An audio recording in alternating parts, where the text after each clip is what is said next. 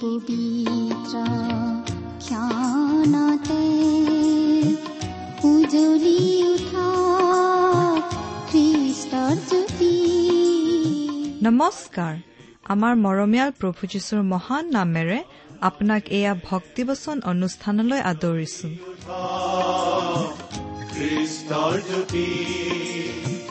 আকাশ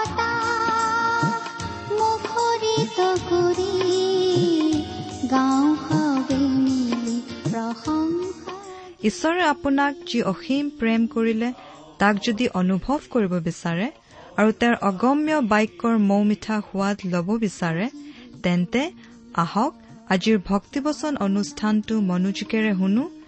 এয়া আপোনালৈ আগবঢ়াইছো ঈশ্বৰৰ জীৱন্ত বাক্যৰ অনুষ্ঠান ভক্তিবচন।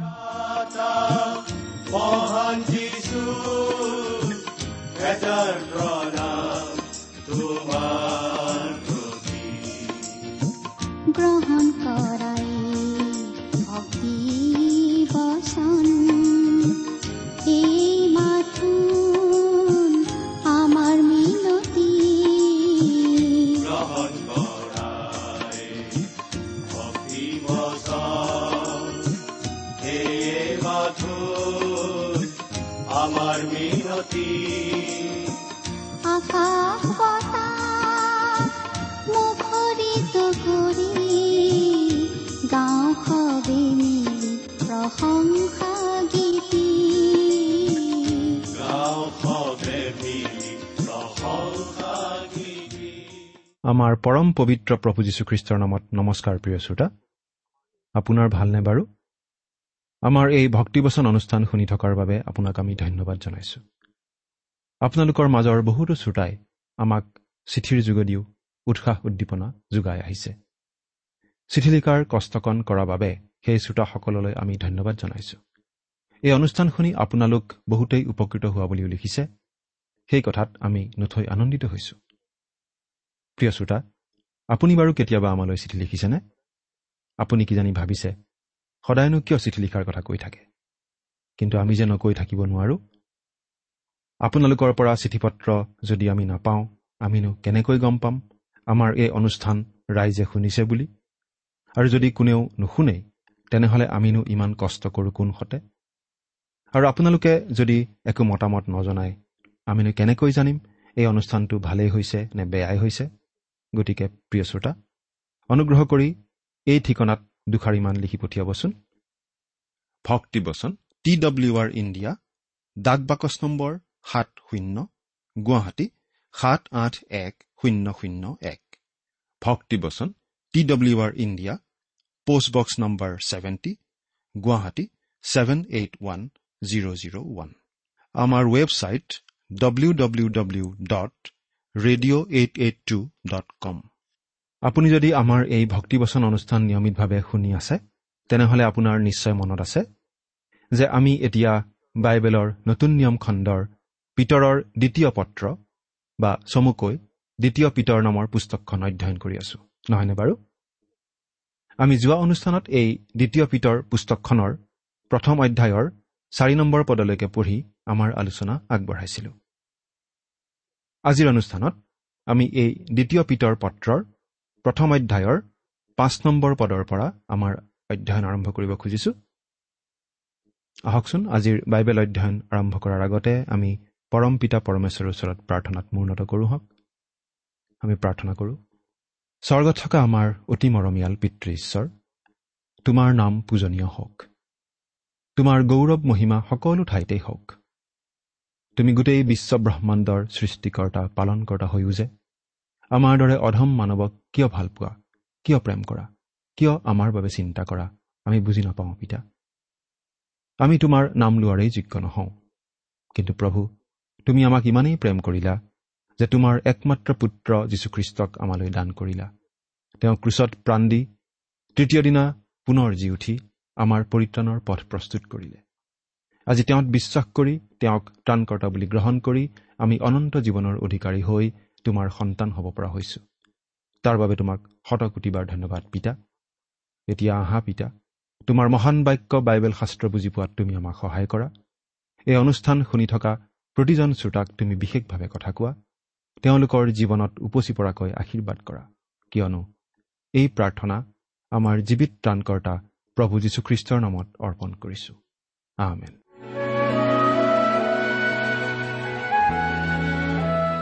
প্ৰিয় শ্ৰোতা বাইবেলৰ পৰা পাঠ কৰি দিম। অনুগ্ৰহ কৰি মন দি শুনিব দেই। প্ৰথমতে পাঁচ নম্বৰ আৰু ছয় নম্বৰ পদ দুটা পঢ়ি দিম। দ্বিতীয় পিতৰ প্ৰথম অধ্যায় পাঁচ আৰু ছয় পদ। ইয়াত এনেদৰে লিখা আছে এইকাৰণে তাৰ নিমিত্তেই তোমালোকে নিজেও সম্পূৰ্ণ যত্ন কৰি বিশ্বাসত বীৰত্ব বীৰত্বত জ্ঞান জ্ঞানত ইন্দ্ৰিয় দমন ইন্দ্ৰিয় দমনত ধৈৰ্য ধৈৰ্যত ভক্তি ভক্তিত ভাতৃস্নেহ আৰু ভাতৃস্নেহত প্ৰেম যোগোৱা এইকাৰণে তাৰ নিমিত্তেই তোমালোকে সম্পূৰ্ণ যত্ন কৰি। এইকাৰণে মানে আমি ইয়াৰ আগতে পঢ়ি অহা কথাখিনিৰ কাৰণে। ঈশ্বৰে আমাক খ্ৰীষ্টত আমন্ত্ৰণ কৰিলে। তেওঁৰ তত্বজ্ঞানৰ দ্বাৰাই তেওঁৰ ঐশ্বৰিক শক্তিয়ে জীৱনৰ আৰু ভক্তিৰ অৰ্থে সকলো বিষয় আমাক দান কৰিলে।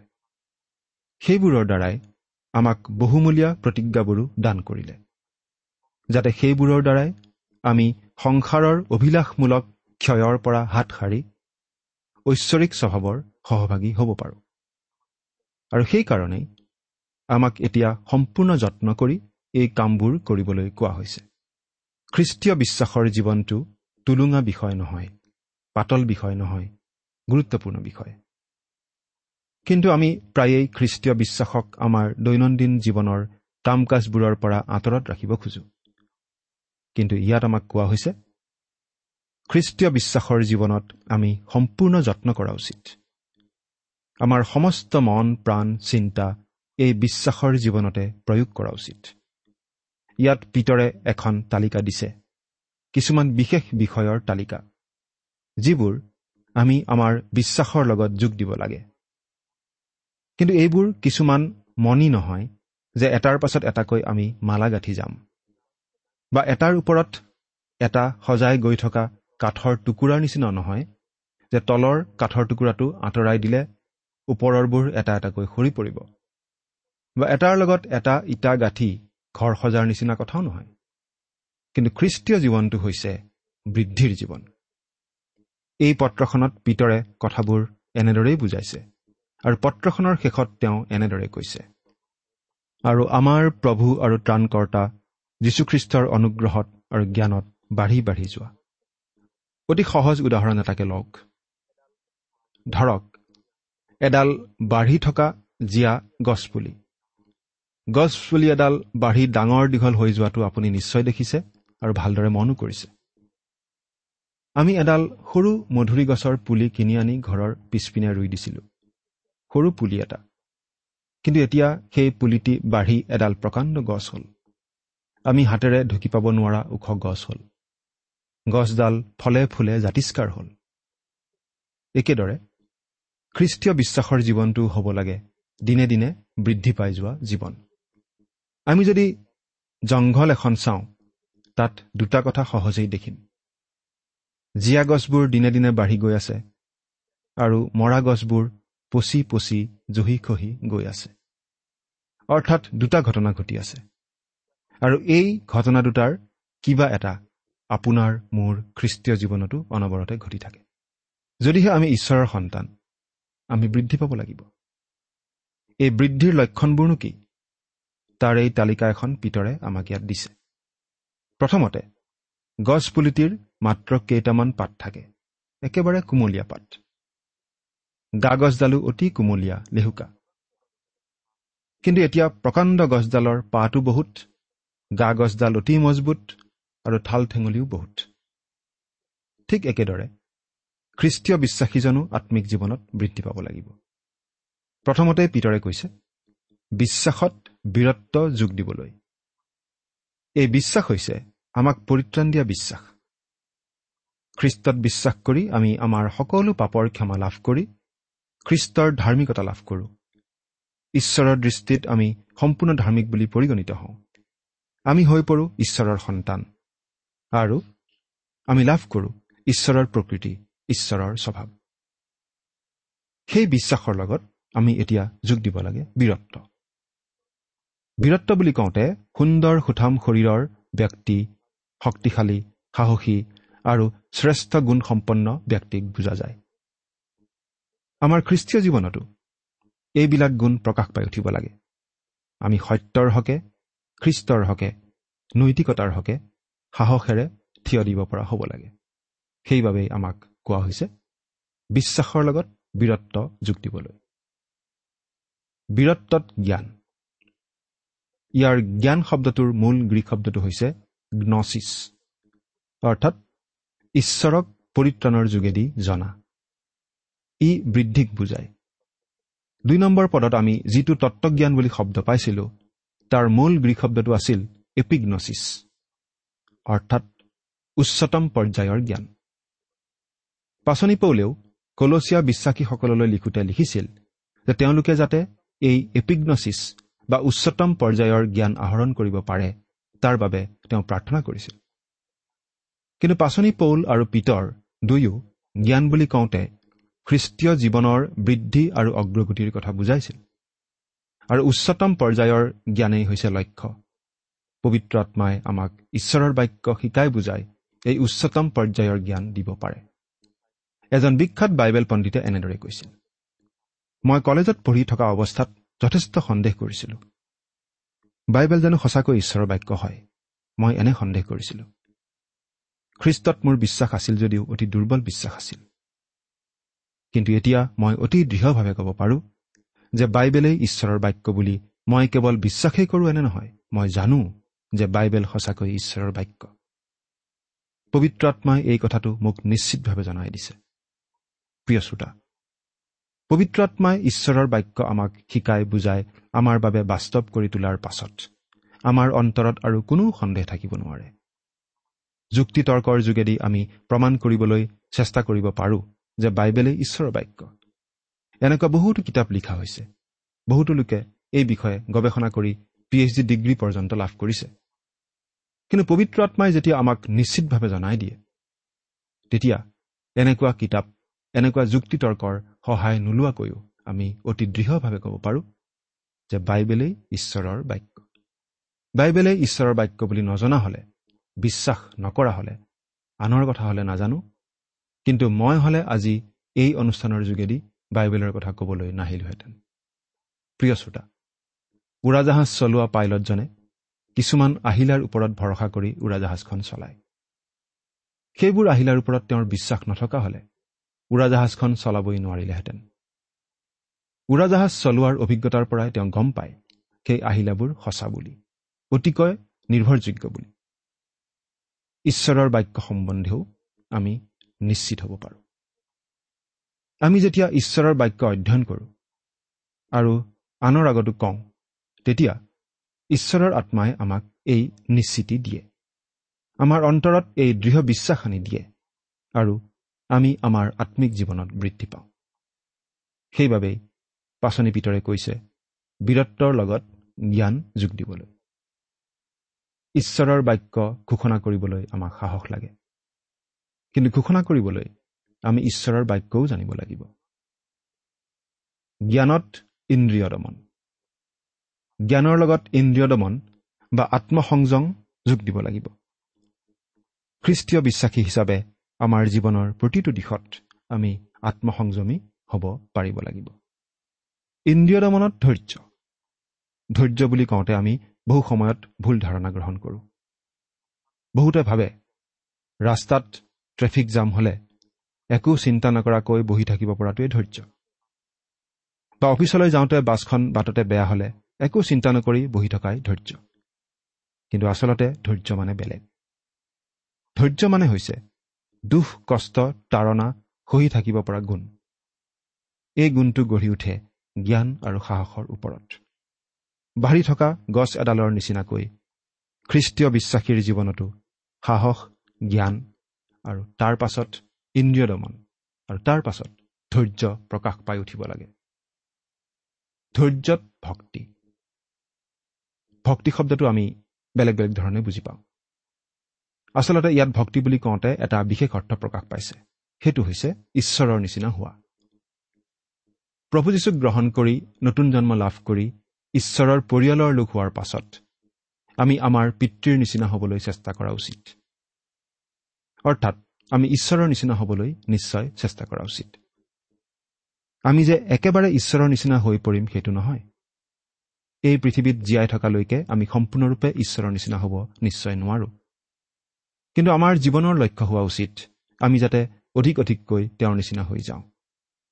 প্ৰতিজন খ্ৰীষ্টীয় বিশ্বাসীৰ এইটো অন্তৰৰ হাবিয়াস হোৱা উচিত।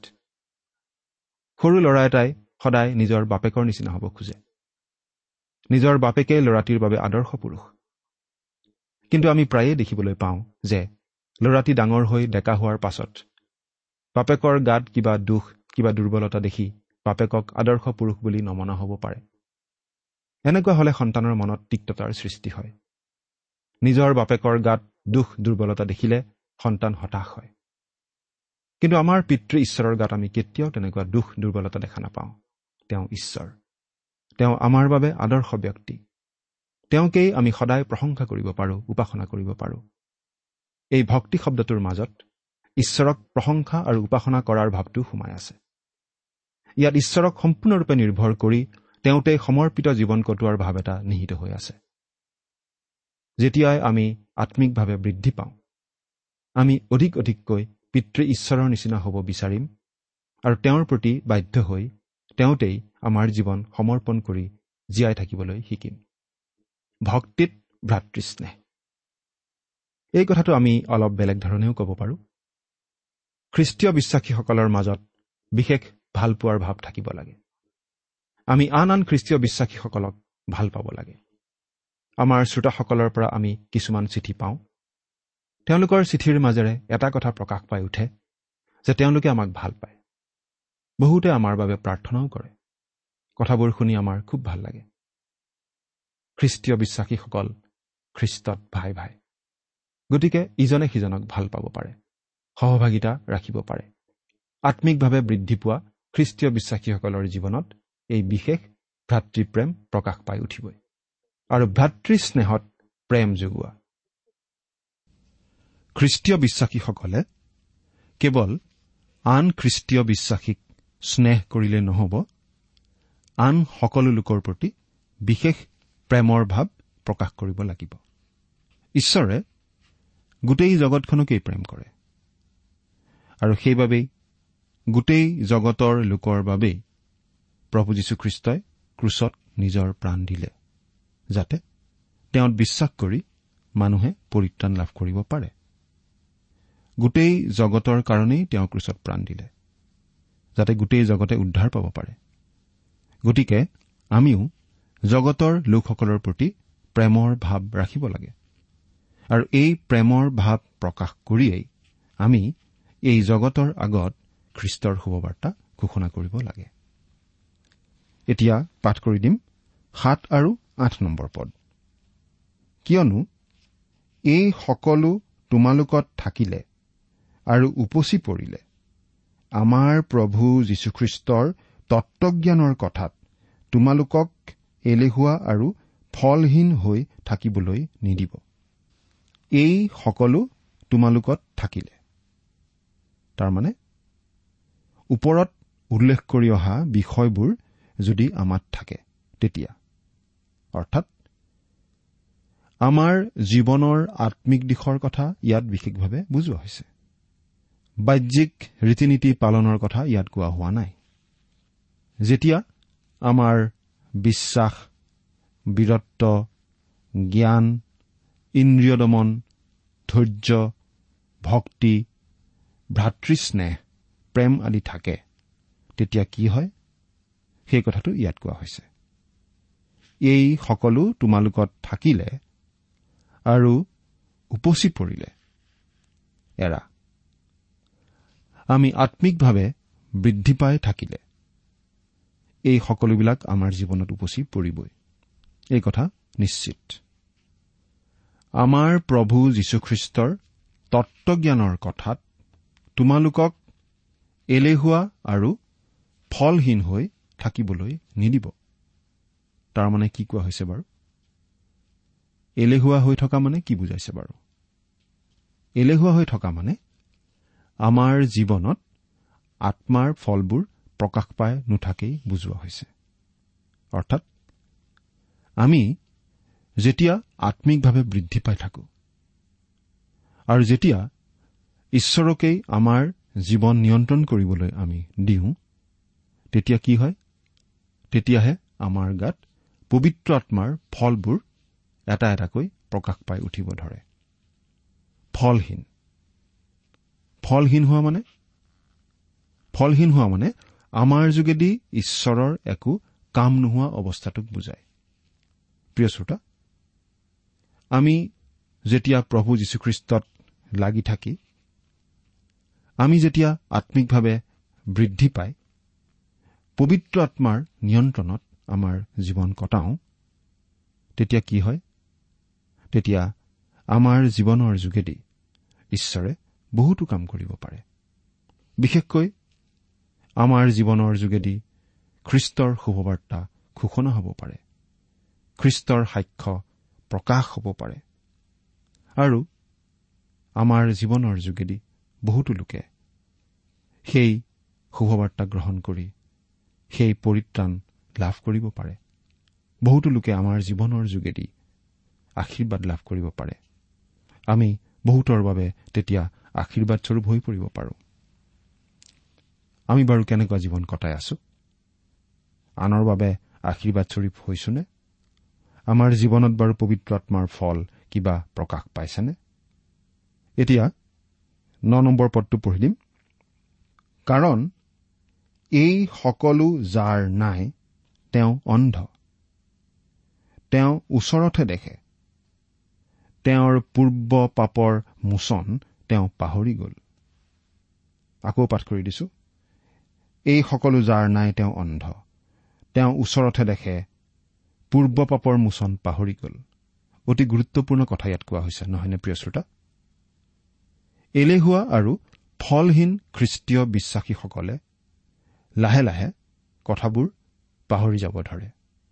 লাহে লাহে কথাবোৰ পাহৰি যায় আৰু নিজৰ পৰিত্ৰাণৰ নিশ্চয়তা সম্বন্ধেই তেনেকুৱা মানুহৰ মনত সন্দেহ উপজিব ধৰে। এলেহুৱা আৰু ফলহীন খ্ৰীষ্টীয় বিশ্বাসীয়ে নিজৰ পৰিত্ৰাণৰ নিশ্চয়তা সম্বন্ধেই সন্দেহ কৰিব ধৰে। তেওঁ পৰিত্ৰাণ পাইছেনে পোৱা নাই এই বিষয়ে তেওঁৰ মনত সন্দেহ উপজে। কোনো খ্ৰীষ্টীয় বিশ্বাসী যদি আম্মিকভাৱে বৃদ্ধি পাই নাথাকে বা যদি বৃদ্ধি নাপায়। আৰু যদি ঈশ্বৰৰ লগত সহভাগিতা ৰক্ষা কৰি নচলে তেতিয়াহ'লে কি হয়? তেতিয়া তেনেকুৱা খ্ৰীষ্টীয় বিশ্বাসীৰ মনত এনেকুৱা ধৰণে সন্দেহ হ'ব ধৰে মই সঁচাকৈ পৰিত্ৰাণ পালোনে? মোৰ বাৰু পাপবোৰ ক্ষমা হলনে? এনেকুৱা ধৰণৰ প্ৰশ্ন তেওঁৰ মনত উঠিব ধৰে। প্ৰিয় শ্ৰোতা সেইবাবে পাচনি পৌলেও খ্ৰীষ্টীয় বিশ্বাসীসকললৈ এই বুলি লিখিছিল পাঠ কৰি দিছো। প্ৰথম কৰিন্ঠিয়া ষোল্ল নম্বৰ অধ্যায়ৰ তেৰ আৰু চৈধ্য নম্বৰ পদ। ইয়াত এনেদৰে লিখা আছে তোমালোকে পৰ দি থাকা বিশ্বাসত সুস্থিৰ হোৱা পুৰুষালী দেখুওৱা শক্তিমন্ত হোৱা আৰু তোমালোকৰ সকলো কৰ্ম প্ৰেমেৰে কৰা হওক। পাচনি পৌলে এই বুলিও লিখিছিল দ্বিতীয় কৰিন্ঠিয়া তেৰ নম্বৰ অধ্যায়ৰ পাঁচ নম্বৰ পদ। মন দি শুনিবচোন ইয়াত কি লিখিছে। তোমালোক বিশ্বাসত আছানে নাই তাক জানিবলৈ নিজৰ পৰীক্ষা কৰা আৰু নিজৰ প্ৰমাণ চোৱা। নতুবা তোমালোকে নিজৰ বিষয়ে নাজানা নেকি যে যীশুখ্ৰীষ্ট তোমালোকৰ অন্তৰত আছে? নাথাকিলে তোমালোক অপ্ৰমাণিক লোক। এৰা আমি নিজকে পৰীক্ষা কৰা উচিত। আমি বিশ্বাসত থিৰে আছোনে নাই? আমি নিজৰ খুচিমতে জীৱন ধাৰণ কৰি থাকিলে আমাৰ খ্ৰীষ্টীয় বিশ্বাসত আমি দুৰ্বল হৈ পৰিম।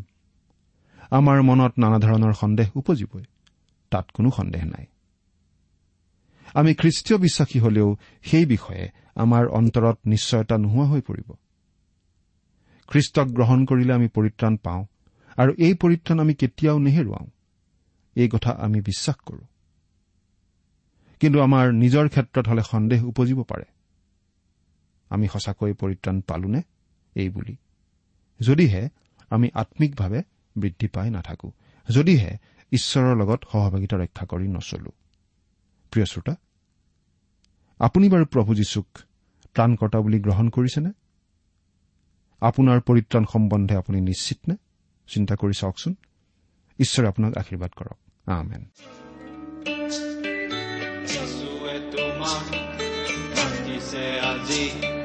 যিশুৱে তোমাক মাতিছে আজি যিশুৱে তোমাক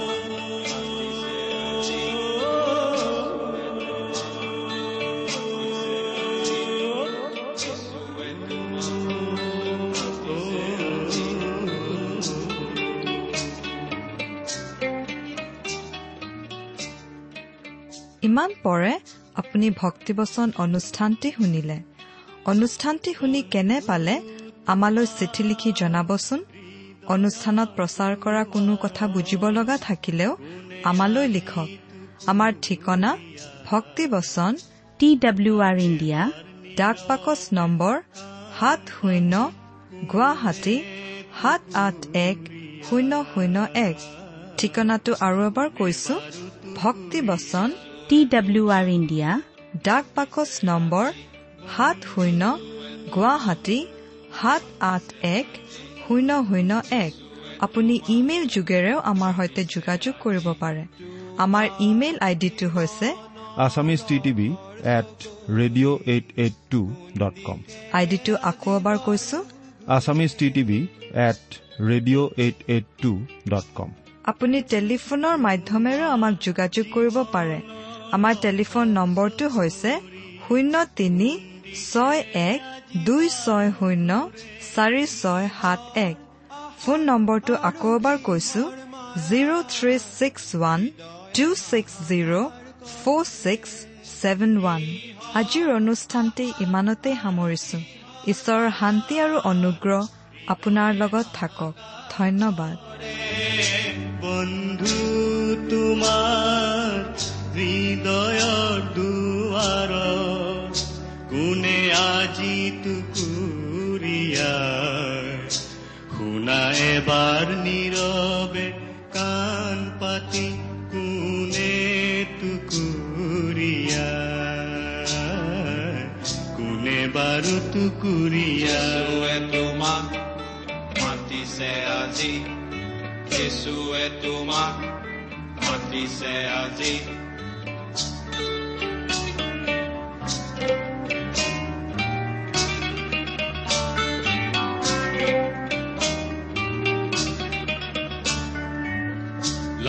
বিলাস আৰু ভোগ বিলাসত।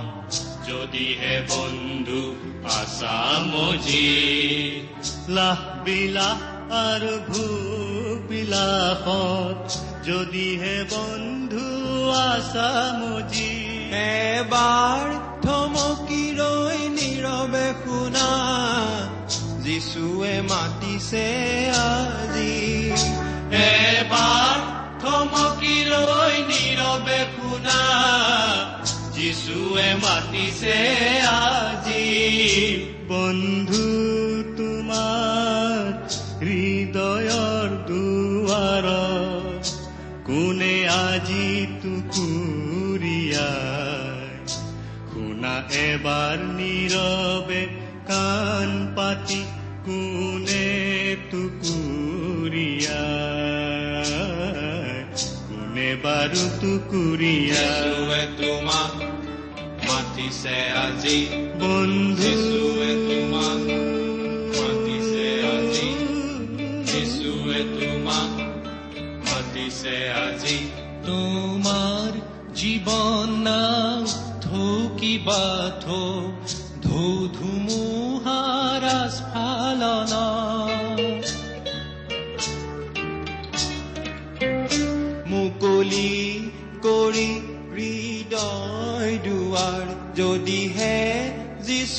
আহ্বান কৰা নিশ্চয় যিচু কৰিব প্ৰৱেশ আজিয়ে পৰিত্ৰাণ পাবা।